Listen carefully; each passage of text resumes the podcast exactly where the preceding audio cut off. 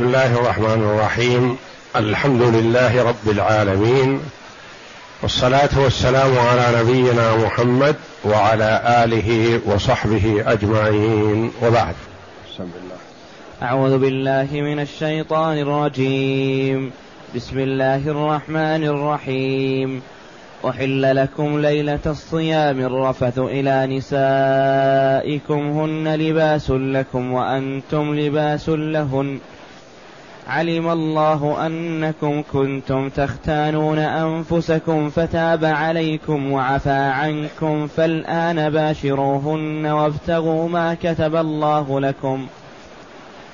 وكلوا واشربوا حتى يتبين لكم الخيط الأبيض من الخيط الأسود. وكلوا وكلوا واشربوا حتى يتبين لكم الخيط الأبيض من الخيط الأسود من الفجر ثم أتموا الصيام إلى الليل. ولا تباشروهن وأنتم عاكفون في المساجد. تلك حدود الله فلا تقربوها. كذلك يبين الله آياته للناس لعلهم يتقون. هذه الآية الكريمة من سورة البقرة من آيات الصيام جاءت بعد قوله جل وعلا وإذا سألك عبادي عني فإني قريب أجيب دعوة الداع إذا دعان فليستجيبوا لي وليؤمنوا بي لعلهم يرشدون. أحل لكم ليلة الصيام الرفث إلى نسائكم. الآية. أحل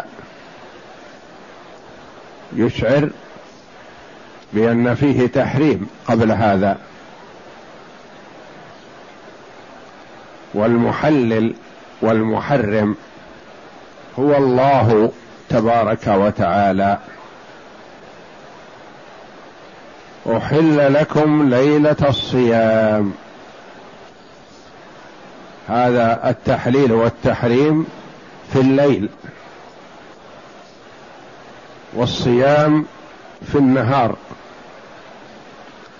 ليلة الصيام يحل للرجل أن يأتي امرأته. وهل كان حراما؟ نعم. ومتى يبدأ التحريم؟ يبدأ التحريم من بعد صلاة العشاء أو بعد النوم. لو نام بعد غروب الشمس بقليل حرم عليه الأكل والشرب وسائر المفطرات. فقد روى البخاري وأبو داود والنسائي وغيرهم رحمة الله عليهم عن البراء بن عازب رضي الله عنه. قال كان أصحاب رسول الله صلى الله عليه وسلم إذا كان الرجل صائما فحضر الإفطار فنام قبل أن يفطر لم يأكل. ليلته ولا يومه حتى يمسي. وإن قيس بن صرمة رضي الله عنه الصحابي الأنصاري كان صائما فكان يومه ذلك يعمل في أرضه. فلما حضر الإفطار أتى امرأته فقال هل عندكم طعام؟ قالت لا ولكن أنطلق فأطلب لك تبحث له عن طعام. فغلبته عيناه فنام. وجاءت امرأته معها الطعام؟ فلما رأته نائما قالت خيبة لك أنمت؟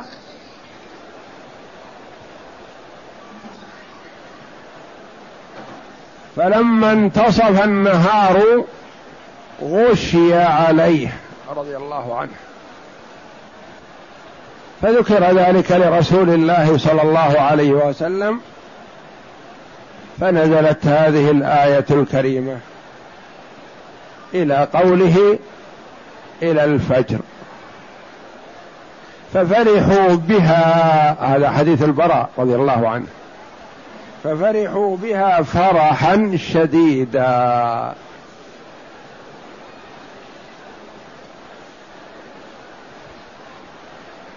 هذا الثابت في صحيح البخاري وفي السنن وفي غيرها.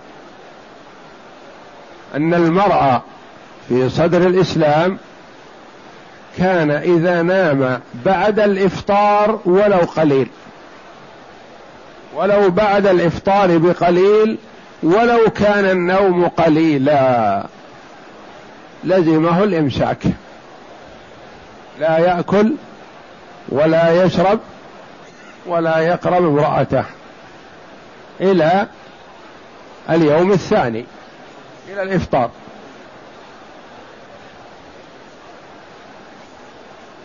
وإن قيس بن صرمة رضي الله عنه الأنصاري يعمل يومه في أرضه وهو صائم. فلما قرب الإفطار جاء رضي الله عنه إلى أهله. فقال لامرأته هل عندكم من شيء؟ وصائم قالت لا والله ما عندنا شيء. ما عندهم ما يفطر به الصائم. خير خلق الله خير هذه الأمة خير القرون. من آدم إلى أن يرث الله الأرض ومن عليها. تقول ما عندها شيء. ومن هو أفضل منه وخير محمد صلى الله عليه وسلم. يدور على بيوت نسائه هل عندكم من شيء؟ فكتقول كل واحدة لا والله يا رسول الله ما عندنا إلا الماء. ما عندهم إلا ماء. فلو كانت الدنيا تزن عند الله جناح بعوضة ما سقى كافرا منها شربة ماء. فلما أخبرته بأنه ليس عندها شيء تقدمه له وهو صائم ويعمل طوال يومه في أرضه قالت له أذهب فألتمس. تطلب له شيئا يفطر عليه. فذهبت ولما عادت إذا هو جالس جائع يعمل طوال يومه غلبته عيناه رضي الله عنه. نعم. ما عنده أحد يتكلم معه؟ نعم. فجاءت زوجته بعدما سعت له وحصلت له ما يفطر به إذا الرجل نائم وكان فقهاء الصحابة رضي الله عنهم إذا علموا شيئا أخبروا به نساءهم. فالبيت بيت فقه وعلم ومعرفة كيف يعبد الله. أسقط في يدها رضي الله عنها فقالت خيبة لك نمت. طوال اليوم يعمل وصائم وحضر الإفطار والتمست له الطعام فوجدت فأحضرت. فإذا الرجل نام. ماذا عليه؟ يلزمه الإمساك إلى الغد إلى إفطار اليوم الثاني. الليل وغدا. فغشي عليه نهارا. ما استطاع أن يواصل رضي الله عنه. غشي عليه. من الجوع. هكذا كان بعض الصحابة رضي الله عنهم. كان أبو هريرة رضي الله عنه أحيانا يغشى عليه من الجوع. فيقول يأتون يظنون أني مجنون. وأنا والله ما بي إلا الجوع رضي الله عنهم.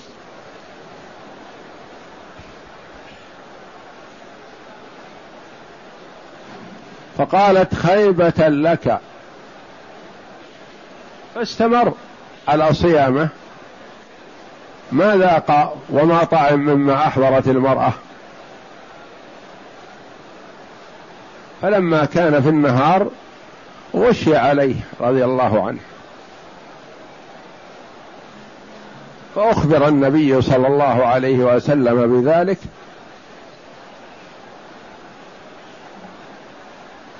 وعمر رضي الله عنه وأرضاه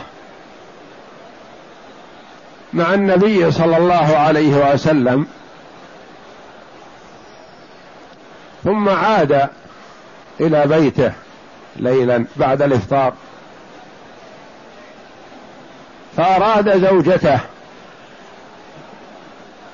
فقالت إني نمت. فقال لا ما نمت. وكذبها رضي الله عنه. وأتاها فندم رضي الله عنه. وذهب إلى النبي صلى الله عليه وسلم يشكي الحال عليه. تأثر من هذا رضي الله عنه. النبي صلى الله عليه وسلم يستغيث ربه ويسأل ربه لأمته التخفيف. فأنزل الله جل وعلا لطفا بالأمة. أحل لكم ليلة الصيام الرفث إلى نسائكم. الآية. إلى قوله تعالى وكلوا واشربوا حتى يتبين لكم الخيط الأبيض من الخيط الأسود من الفجر ثم أتموا الصيام إلى الليل. والرفث يراد به الجماع.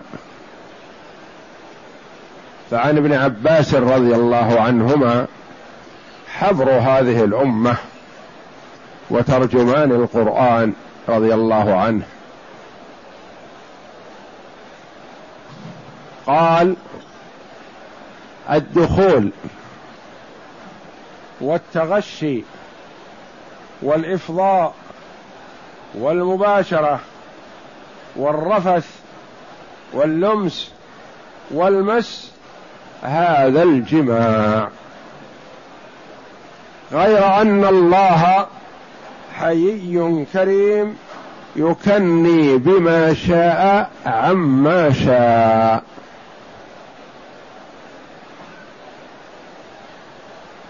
التغشي فلما تغشاها والإفضاء كيف وقد أفضى بعضكم إلى بعض.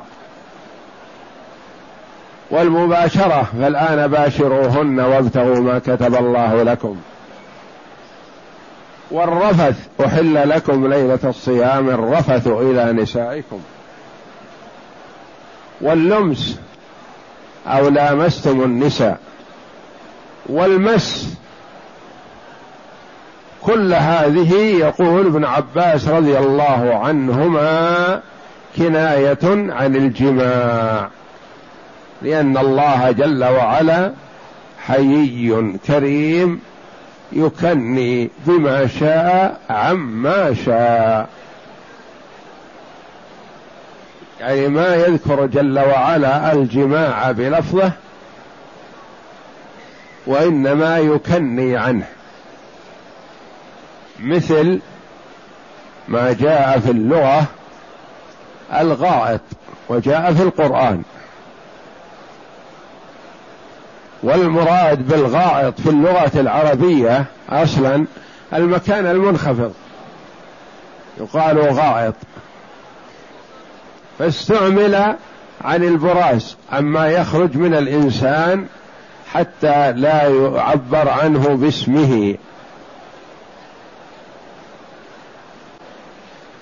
أحل لكم ليلة الصيام الرفث إلى نسائكم يعني الجماع. وكان محرما.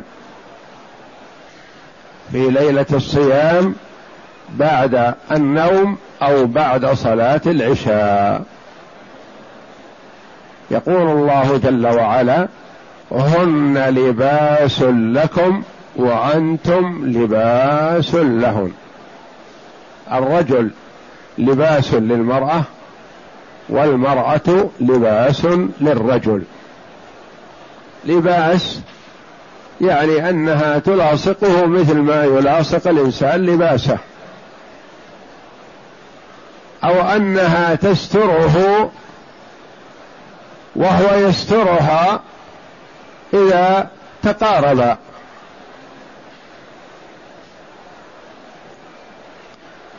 أو أنه معبر عن المعنى. إن المرأة إذا صارت مع الزوج فإنها تكف نفسه وتغنيه وتستر عورته. فهي بمثابة اللباس الذي يستر عورة الإنسان. فالرجل إذا كان عنده زوجة ما نظر إلى الاخريات تغنيه وتكفيه. هن لباس لكم وأنتم لباس لهن. يعني كل واحد منكم لباس للآخر. وكاف للآخر وغنى للآخر ويستأنس بالآخر. ولا يستغني عنه كما لا يستغني كل واحد منهما عن لباسه. علم الله أنكم كنتم تختانون أنفسكم. علم الله. الله جل وعلا موصوف بالعلم. يعلم خائنة الأعين وما تخفي الصدور. خائنة الأعين إذا كان الإنسان يسارق النظر في شيء يمينه على شماله ولا يحب أن يلتفت له. ما يحب أن يلتفت التفات كامل ينظر وإنما يسارق النظر. يحاول أن ينظر إلى شيء من غير أن يلفت نظر الآخرين إليه أنه ينظر. خائنة الأعين وما تخفي الصدور ما في الصدر ما يدرى عنه. الله جل وعلا يعلم ذلك. سبحانه وتعالى. ولقد خلقنا الإنسان ونعلم ما توسوس به نفسه. ونحن أقرب إليه من حبل الوريد. العرقان في جانب الرقبة.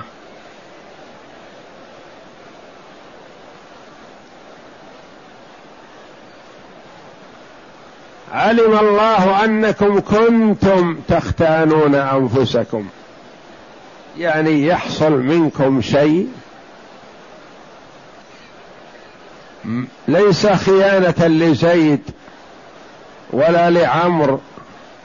ولا إتيان امرأة زيد ولا امرأة عمرو وإنما تخونون أنفسكم.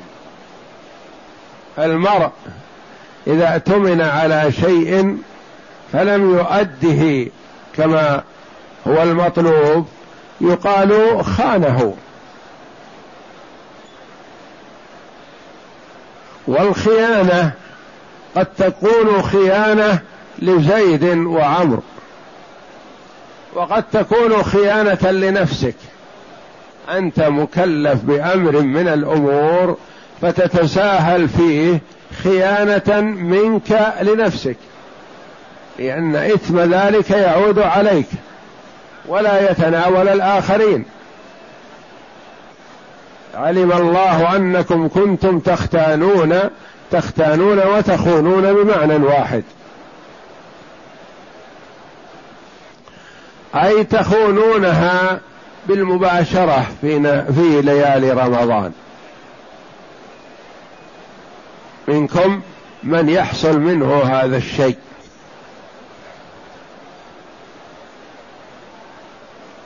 فتاب عليكم. بشاره من الله جل وعلا لعباده بأن الله تاب عليهم فيما مضى. زيادة على التحليل في المستقبل بشارة بالتوبة عما مضى. لأن المرأة قد يطلب أمرا من الأمور مستقبل فيعطى إياه فيقول المشكلة فيما مضى. فقال الله جل وعلا فتاب عليكم وعفى عنكم. تاب من التوبة وهو رفع الإثم عن المرء. والعفو عفى الله جل وعلا عن, عن ذلك. فالآن باشروهن. الآن يعني من هذا الوقت الذي نزلت فيه الآية باشروهن. المباشرة كناية عن الجماع كما قال ابن عباس رضي الله عنهما. فالآن باشروهن هذا أمر والأصل في الأمر يقتضي الوجوب. قد يقول قائل إنه يجب على الرجل أن يجامع زوجته ليلة الصيام. نقول لا. لا يجب هذا لأن الأمر بعد النهي يدل على الإباحة ورفع الإثم ورفع الحرج ورفع النهي السابق. مثل فإذا قضيت الصلاة فانتشروا في الأرض وابتغوا من فضل الله. يجب على الإنسان أن يتاجر بعد صلاة الجمعة؟ لا. لأنه جاء النهي عن البيع والشراء وقت الجمعة عند سماع النداء. يا أيها الذين آمنوا إذا نودى للصلاة من يوم الجمعة فاسعوا إلى ذكر الله وذروا البيع. وقال تعالى فإذا قضيت الصلاة فانتشروا في الأرض وابتغوا من فضل الله. ابتغوا من فضل الله يعني اطلبوا الرزق. فهل هذا الأمر أمر وجوب؟ لا. أمر استح... إباحة لأنه جاء بعد المنع.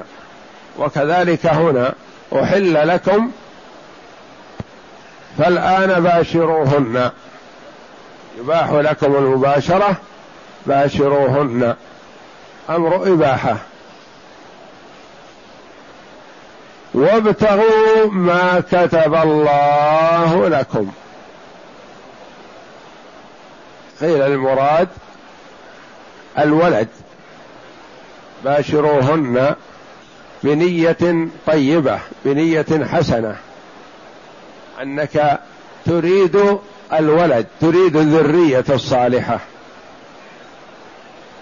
ابتغوا ما كتب الله لكم اطلبوا ما أراد الله ما أحله الله لكم وهو الاستمتاع. وابتغوا ما كتب الله لكم وكلوا واشربوا. كذلك الأمر للإباحة هنا. حتى يتبين لكم الخيط الأبيض من الخيط الأسود. جاء ان نزول هذا الجزء من الآية قبل. ثم نزل بعد هذا من الفجر. فكان الواحد من الصحابة رضي الله عنهم يضع في رجله خيطين خيط أبيض وخيط أسود ويأكل ويشرب. فإذا ميز الخيط الأبيض من الخيط الأسود توقف.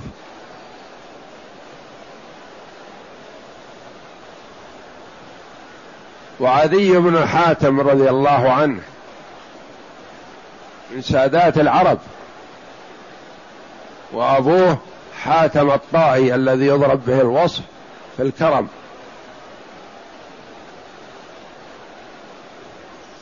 جعل خيطين أبيض وأسود عند وسادته. فيأكل ويشرب اذا أراد الصيام حتى يتميز له الخيط هذا من هذا فيتوقف. فأخبر النبي صلى الله عليه وسلم بذلك فقال إنك لعريض القفا أو عريض الوسادة. هذه يعبر بها عن الرجل يقال إنك ما أنت بذكي.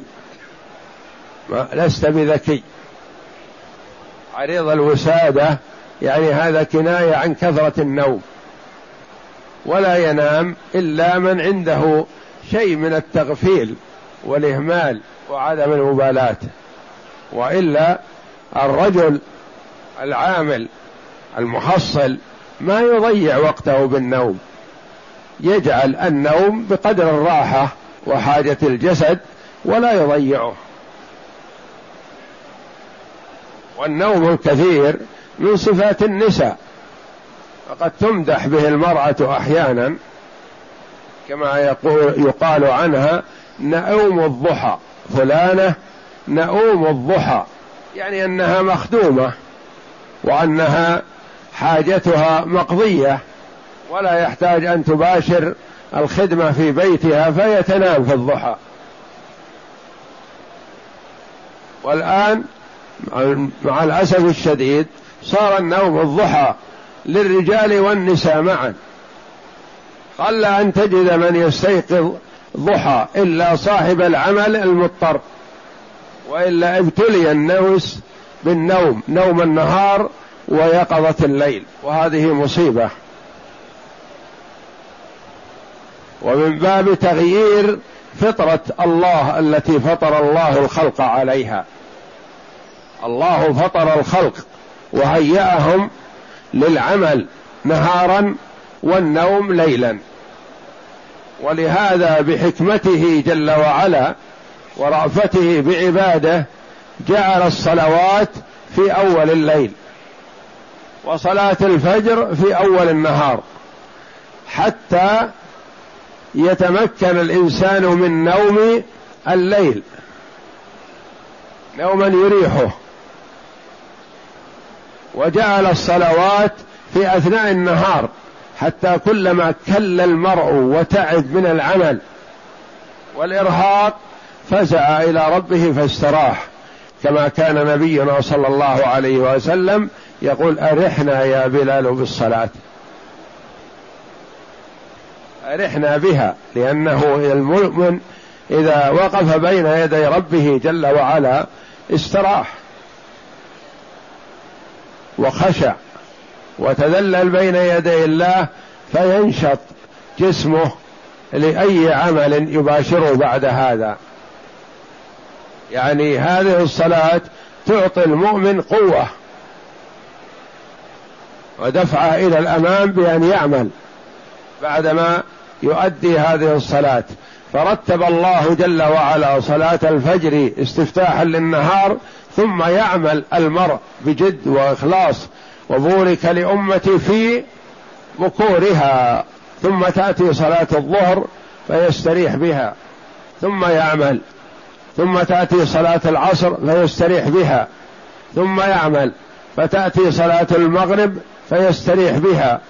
ثم يستريح قليلا أو يتعشى ثم يصلي العشاء وينام. وهذا هو الأفضل. والنبي صلى الله عليه وسلم كره النوم قبل العشاء والحديث بعدها إلا لحاجة أو لطلب علم. ومع الأسف الشديد كثير من الناس عكس هذه الفطرة وصاروا ينامون بالنهار ويستيقظون بالليل.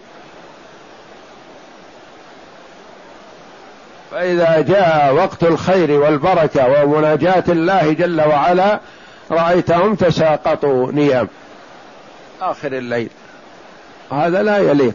والمسلم يجب أن يرتب نومه ويقظته وأكله وشربه على صلاته وأعماله المهمة.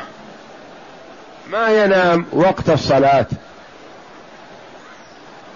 والأوقات الفاضلة والتي يتحرى فيها مناجاة الله يفزع إلى ربه جل وعلا. وكان سلفنا الصالح رحمة الله عليهم يتلذذون بقيام الليل يعتبرونه نعمة ومتعة للجسم ونشاط. يقوي الجسم سائر اليوم. إذا قام من الليل وصلى. ويقول قائلهم لو يعلم الملوك وأبناء الملوك ما نحن فيه لجالدون عليه بالسيوف ما نحن فيه من اللذة والأنس بماذا؟ بمناجاة الله جل وعلا. فكان سلفنا الصالح رحمة الله عليهم يتقوون بقيام الليل على عمل النهار. إذا قام من آخر الليل وصلى ما كتب الله له نشط سائر اليوم. وإذا لم يقم والعياذ بالله وبال الشيطان في أذنيه ساءت حاله.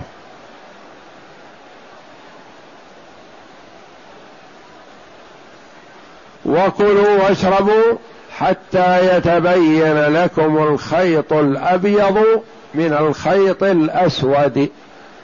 فأنزل الله جل وعلا من الفجر. الخيط الأبيض بياض الفجر. والخيط الأسود سواد الليل. وكلوا واشربوا حتى يتبين لكم الخيط الأبيض. والمراد به الفجر.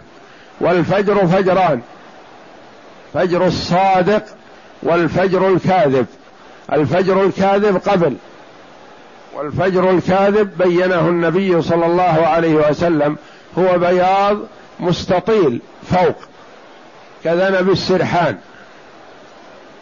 والفجر الصادق معترض في الأفق. ينتشر يمين وشمال. والكاذب كالخيط أو كذنب السرحان ممتد من فوق إلى أسفل. ويذهب هذا ليس بهذا هذا بنهار وإنما هذا الفجر الكاذب. ويأكل المرء ولو رآه.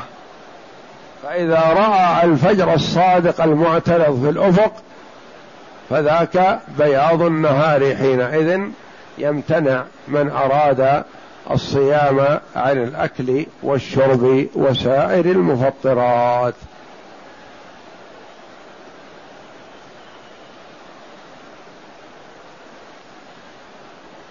ثم أتموا الصيام إلى الليل. بعد هذا أتم الصيام. إذا أردت الصيام وطلع عليك الفجر فأتمه إلى الليل. وإلى حرف غاية يعني حتى يدخل الليل. حتى تغيب الشمس.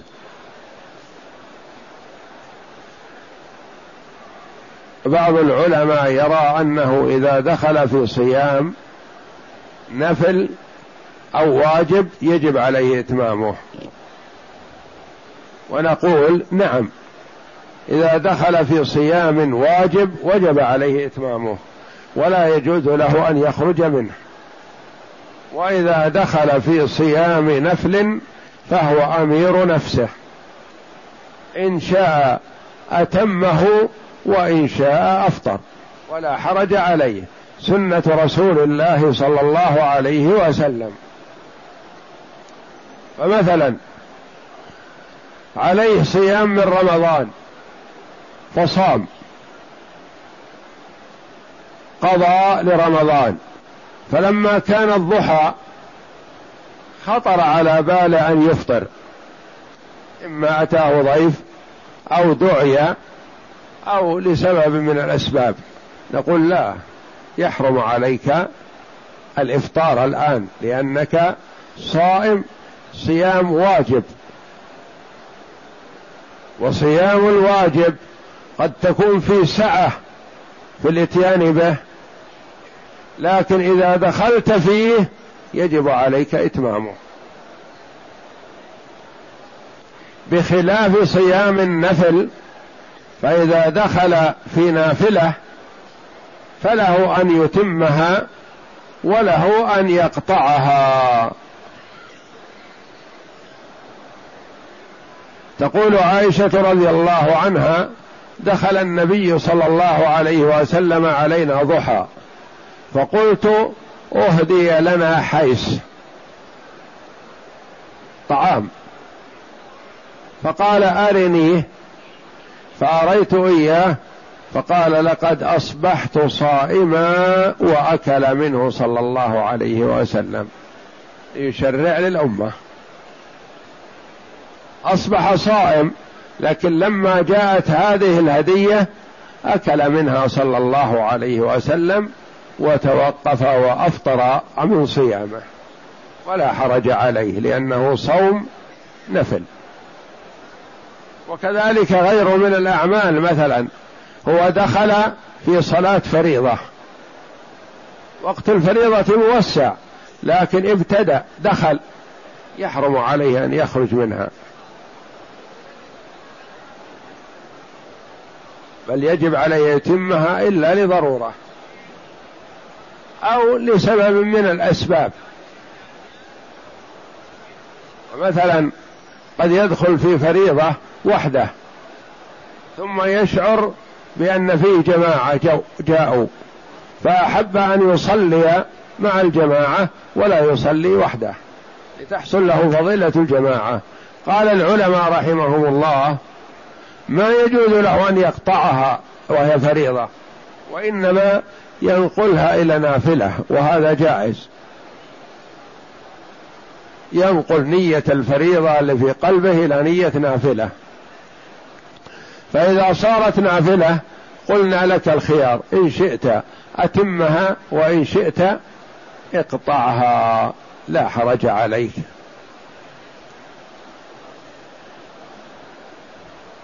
ثم أتم الصيام إلى الليل.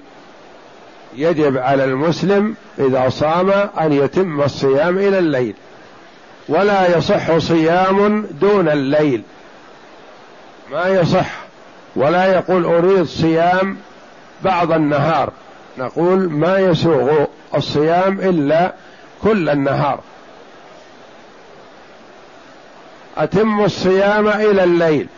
رأى الليل ولم يفطر. يقول أفطر حكما. لقوله صلى الله عليه وسلم إذا أقبل الليل منها هنا وأدبر النهار منها هنا فقد أفطر الصائم. وسيأتي الكلام على الاعتكاف إن شاء الله وعلى جواز الإفطار فيما إذا كان صومه نفلا و ورغب في الإفطار ولا ويصح أن ينقل الصيام من فرض إلى نفل ولا ينقله من نفل إلى فرض وكذا الصلاة.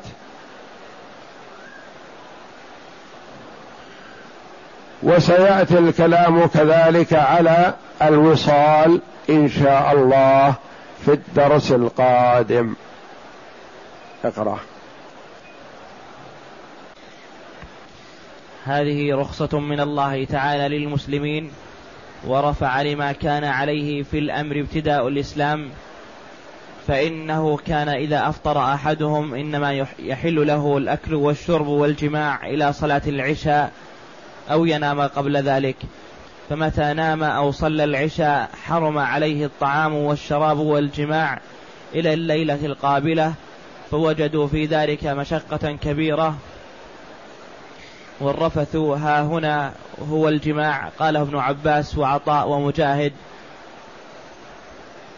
وكان السبب في نزول هذه الآية ما روي أن أصحاب النبي صلى الله عليه وسلم إذا كان الرجل صائما فنام قبل أن يفطر. لم يأكل إلى مثلها. وإن قيس بن صرمة الأنصاري كان صائما يومه ذلك يعمل في أرضه فلما حضر الإفطار أتى امرأته فقال هل عندك طعام؟ قالت لا ولكن أنطلق فأطلب لك. فغلبته عينه فنام وجاءت امرأته فلما رأته نائما قالت خيبة لك أنمت. فلما انتصف النهار غشي عليه فذكر ذلك للنبي صلى الله عليه وسلم فنزلت هذه الآية أحل لكم ليلة الصيام الرفث إلى نسائكم إلى قوله تعالى وكلوا واشربوا حتى يتبين لكم الخيط الأبيض من الخيط الأسود من الفجر ففرحوا بها فرحا شديدا. وقول وقوله تعالى أحل لكم ليلة الصيام الرفث إلى نسائكم قال كان المسلمون قبل أن تنزل هذه الآية إذا صلوا العشاء الآخرة حرم عليهم الطعام والشراب والنساء حتى يفطروا. وأن عمر بن الخطاب رضي الله عنه أصاب أهله بعد صلاة العشاء. وقوله تعالى هن لباس لكم وأنتم لباس لهن علم الله أنكم كنتم تختانون أنفسكم. يعني تجامعون النساء وتأكلون وتشربون بعد العشاء. فتاب عليكم وعفى عنكم فالآن باشروهن يعني جامعوهن وابتغوا ما كتب الله لكم. قيل يعني الولد وقيل وابتغوا ما كتب الله لكم يعني الجماع. وقوله تعالى وكلوا واشربوا حتى يتبين لكم الخيط الأبيض من الخيط الأسود من الفجر ثم أتموا الصيام إلى الليل. أباح تعالى الأكل والشرب مع ما تقدم من إباحة الجماع في أي الليل شاء الصائم إلى أن يتبين ضياء الصباح من سواد الليل. وعبر عن ذلك بالخيط الأبيض مع الخي من الخيط الأسود ورفع اللبس بقوله من الفجر. وكان رجال إذا أرادوا الصوم ربط أحدهم في رجله الخيط الأبيض والخيط الأسود فلا يزال يأكل حتى يتبين له رؤيتهما فأنزل الله بعد من الفجر. فعلموا أن ما يعني الليل والنهار. وعن عدي بن حاتم رضي الله عنه كانوا يتوقعون في الأول أنه أنهما الخيطان خيط أبيض وخيط أسود. فأنزل الله جل وعلا رفع لهذا الإهام من الفجر يعني الخيط الأبيض بياض النهار والخيط الأسود سواد الليل يعني حتى يظهر الفجر. نعم. وعن عدي بن حاتم رضي الله عنه قال لما نزلت هذه الآية وكلوا واشربوا حتى يتبين لكم الخيط الأبيض من الخيط الأسود. عمدت إلى عقالين أحدهما أسود والآخر أبيض. قال فجعلتهما تحت وسادتي. قال فجعلت أنظر إليهما. فلما تبين لي الأبيض من الأسود أمسكت. فلما أصبحت غدوت إلى رسول الله صلى الله عليه وسلم فأخبرته بالذي صنعت. فقال إن وسادك إذا لعريض. إنما ذلك بياض النهار بياض النهار وسوا من من سواد الليل. وقوله تعالى ثم أتموا الصيام إلى الليل. يقتضي الإفطار عند عند غروب الشمس كما جاء في الصحيحين. إذا أقبل الليل منها هنا وأدبر النهار منها هنا فقد أفطر الصائم. وقال رسول الله صلى الله عليه وسلم لا يزال الناس بخير ما عجلوا الفطر. وعن أبي هريرة رضي الله عنه عن النبي صلى الله عليه وسلم قال يقول الله عز وجل أحب عبادي إلي أعجلهم فطرا.